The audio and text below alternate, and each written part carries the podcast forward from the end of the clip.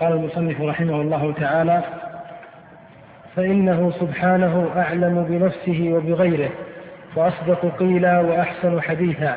فإنه سبحانه وتعالى أعلم بنفسه وهذه ضرورة عقلية وهي ضرورة شرعية.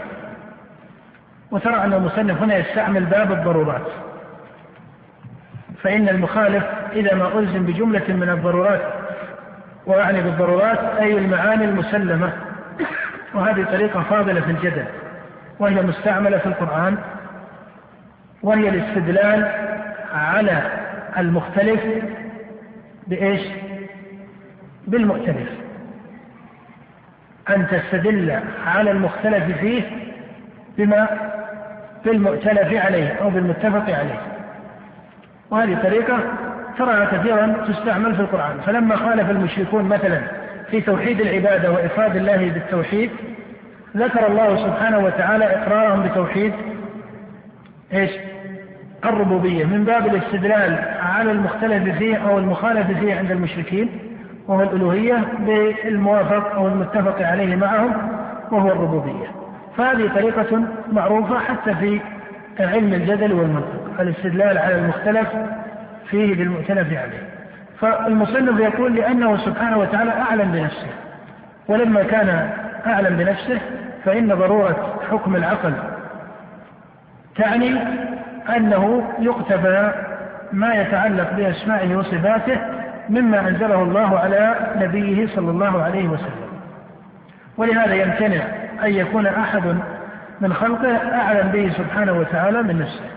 فلما علم هذا الامتناع وجب تصديق سائر ما ورد به القرآن من أسماء الرب سبحانه وتعالى وصفاته. نعم. وأحسن حديثا من خلقه ثم رسل وأصدق قيلا أي قولا. ومن أصدق من الله قيلا وأحسن حديثا أي أبلغ.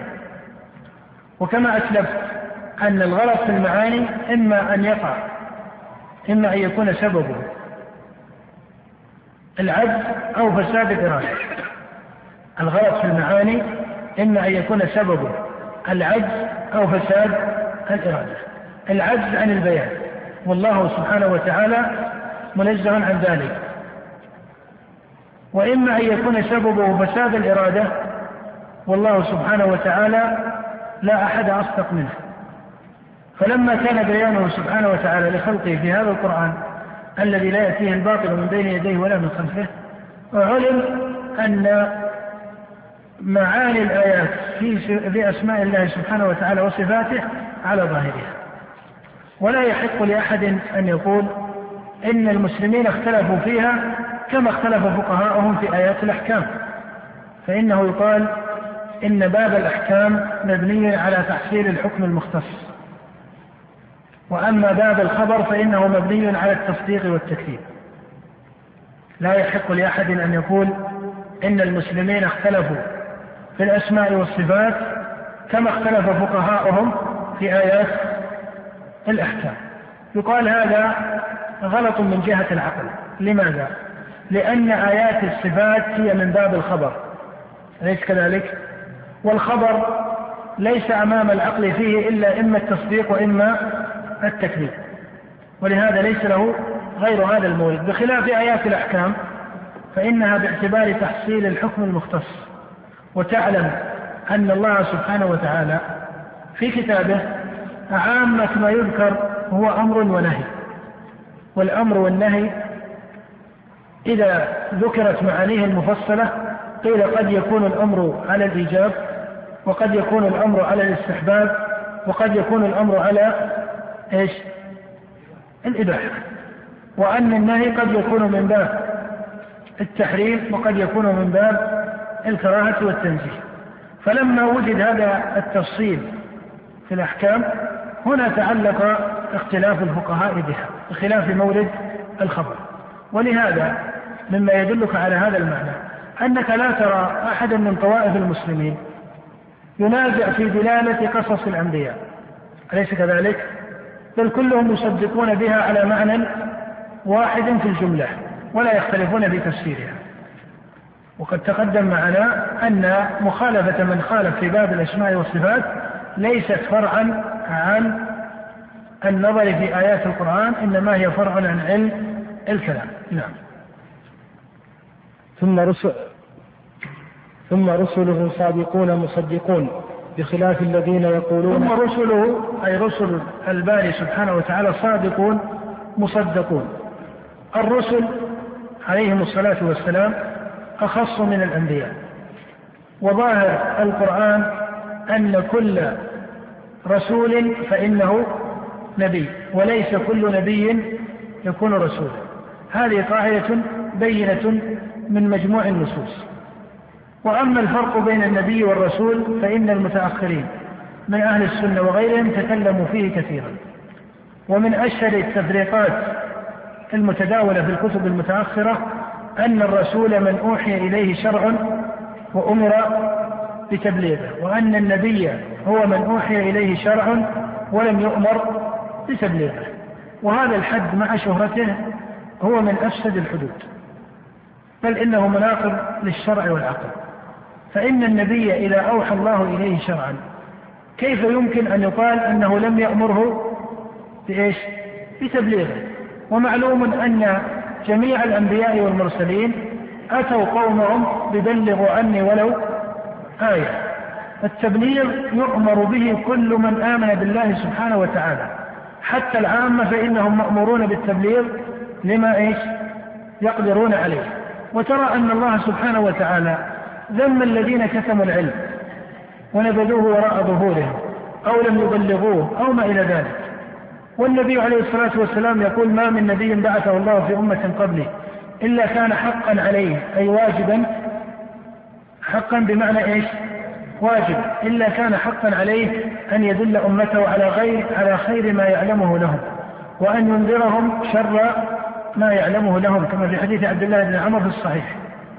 وتعلم أن دلالة النبي لسائر أوجه الخير لا يلزم بالضرورة أن تكون سائرها نزلت بوحي إيش؟ خاص وإنما عرفها من مجموع رسالته.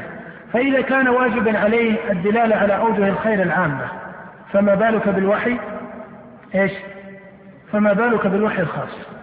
ولهذا هذا التعريف لك أن تقول لا يعلم من أين دخل على كتب العلماء. والغريب أن ثمة بعض المسائل فيها أقوال مناقضة للشرع ومناقضة للعقل كما سلف تعريف التواتر. وأن الحديث المتواتر هو ما رواه جماعة عن جماعة إلى آخره. ثم يقولون إنه ليس له مثال من جهة السنة. وهذا يعني أن السنة لا يكون منها شيء إيش؟ متواتر وأشد من ذلك نتيجة أن السنة لا يحتج بها في العقائد إلا في حديث أو حديثين قل أو عشرة فمثل هذه الحدود هي من الحدود الباطلة التي دخلت على بعض كتب العلماء. فإن قيل فما التحقيق في معرفة الفرق بين النبي والرسول قيل الذي دلت عليه مجموع النصوص دلالة بينة أن الرسالة أخص من النبوة وأن كل رسول فإنه نبي ولا يلزم أن يكون النبي رسولا. قال المصنف رحمه الله تعالى ثم رسله صادقون مصدقون بخلاف الذين يقولون عليه ما لا يعلمون. ولهذا قال سبحانه وتعالى هذا نعم الحمد لله رب العالمين وصلى الله وسلم على نبينا محمد وآله وأصحابه أجمعين. هذا من باب المقارنة عند المصنف بين طريقة أهل السنة وطريقة المخالفين. عند قوله ثم رسله صادقون مصدقون من جهة أن أهل السنة والجماعة قصروا طريقتهم على الاتباع والتسليم لكل ما جاءت به الرسل وأن الحق الواجب في باب الأسماء والصفات وغيرها قد علم مجيء الرسول عليه الصلاة والسلام بل وغيره من المرسلين به إجمالا وتفصيلا. ثم قال بخلاف الذين يقولون عليه ما لا يعلمون وهذا نوع من التعريض بطريقة مخالفي أهل السنة. هذا نوع من التعريض بطريقة مخالفيهم فإنه كما تحقق معنا أن مخالفيهم من أهل التعطيل أو التشبيه والتمثيل بنوا مخالفتهم على الطريقة الكلامية. وقلنا سابقا أن الطريقة الكلامية محصلة من الفلسفة. ولا شك أن أرباب وأساطين الفلسفة يصح أن يقال فيهم إنهم من الذين يقولون على الله ما لا يعلمون ولا سيما إذا عرفت أن كبار أئمتهم الذين ينتسب إليهم من انتسب إلى الإسلام كابن سينا وغيره فإن كبار أئمة هؤلاء لم يكونوا ينتسبون إلى دين سماوي أصلا ولا حتى من الأديان المحرفة. كأرسطوطاليس فإنه لم يكن على دين من أديان الرسل بل كان قبل المسيح وقبل النصرانية وكان قبل المسيح ابن مريم بثلاثمائة سنة ولم يكن على دين من الأديان السماوية. فإذا ما عرفت أن علم الكلام محصل من الفلسفة وأن الفلسفة أساطينها جمهورهم لم يكونوا على دين من الأديان السماوية ولا سيما الفلسفة التي دخلت على المسلمين فإن أربابها كأفلاطون أرسطوطاليس وأمثالهم لم يكونوا على شيء من أديان الأنبياء ولا حتى الأديان التي دخلت التحريف فإن هذا تحقيق لقول المصنف بخلاف الذين يقولون عليه ما لا يعلمون. فإن المعتزلة وغيرها من المتكلمة بنوا أقوالهم على مقدمات الفلاسفة والفلاسفة يصح أن يقال فيهم إنهم من الذين يقولون على الله ما لا يعلمون. نعم. ولهذا قال سبحانه وتعالى سبحانه ولهذا عفوا قال بعض محقق المتكلمين والفلاسفة كابن سينا إن الأقوال المقولة في الأسماء والصفات ليس فيها إلا أحد قولين إما قول الأنبياء وأتباعهم وإما قول الفلاسفة وأتباعهم. فجعلوا سائر الإثبات الذي عليه أهل السنة والجماعة هو فرع عما جاءت به الكتب السماوية. وجعلوا أقوال المخالفين إما من الغالين في الإثبات إلى حد التشبيه والتجسيم وإما من النفاة إنما هو فرع عن أقوال الفلاسفة. فليس هنا إلا قول الأنبياء أو قول أئمة الفلسفة وقول المتكلمين فرع عن الفلاسفة وقول أهل السنة فرع عن قول الأنبياء والمرسلين أو ما جاء به الأنبياء والمرسلون. نعم. ولهذا قال سبحانه وتعالى سبحان ربك رب العزة عما يصفون وسلام على المرسلين والحمد لله رب العالمين. نعم.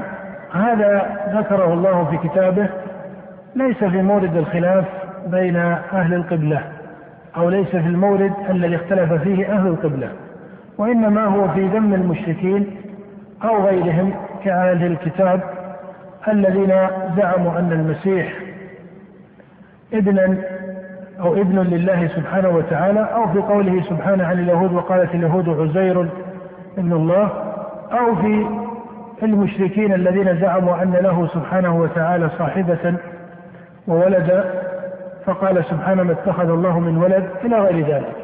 فهذا معنى قوله تعالى سبحان ربك رب العزة عما يصفون. هو تنزيه له عما وصفه به الكفار. ولكن ما حصل من بعض أهل القبلة من المخالفة فإن الآية تكون عامة في الدلالة لمناسبة المعنى لذلك. نعم. فسبح نفسه عما وصفه به المخالفون للرسل للرسل وسلم على المرسلين بسلامة ما قالوه من النقص والعيب. وهو سبحانه قد جمع فيما وصف وسمى به نفسه بين النفي والإثبات هذه من أخص قواعد أهل السنة أن هذا الباب عندهم معتبر بالإثبات والنفي لأنه مبني على طريقة القرآن وإذا قرأت القرآن وجدت أن الله سبحانه وتعالى قد جمع فيما سمى ووصف به نفسه بين الإثبات والنفي. الإثبات لكماله والنفي لما لا يليق به سبحانه وتعالى. نعم. فلا عدول لأهل السنة والجماعة عما جاءت به, به المرسلون فإنه الصراط المستقيم صراط الذين أنعم الله عليهم من النبيين والصديقين والشهداء والصالحين. نعم فإن كل من آمن بالأنبياء والمرسلين لزم ضرورة أن يكون متبعا لهم فإن مقتضى الإيمان بالنبوة والرسالة الإيمان بأن ما يذكره أو ما جاء به الرسول يكون حقا. فإذا تحقق أن ما جاء به الرسول يكون حقا فإن الحق إذا تلقي عن الرسالة استلزم هذا الإعراض عن غيرها حتى لو فرض جدلا أن الحق أو شيئا منه أن هذا الحق الذي حدث به الرسول أو آه، شيئا منه يمكن أن يعرف من غير مشكاة النبوة. فلو فرض هذا جدلا فإن المخاطب أو المكلف لا ينبغي له أن يسعى إلى غير مشكاة النبوة باعتبار أن النبوة والرسالة تضمنت الحق كله. وهذا سؤال هو على باب المسلمات التي يستدل بها على مقام النزاع. فإنه يقال إنه يعلم أن الله أكمل لهذه الأمة دينها. وكمال الدين إنما كان ببلاغ النبي صلى الله عليه وسلم وسنته. والدين قد كمل دلائل ومسائل.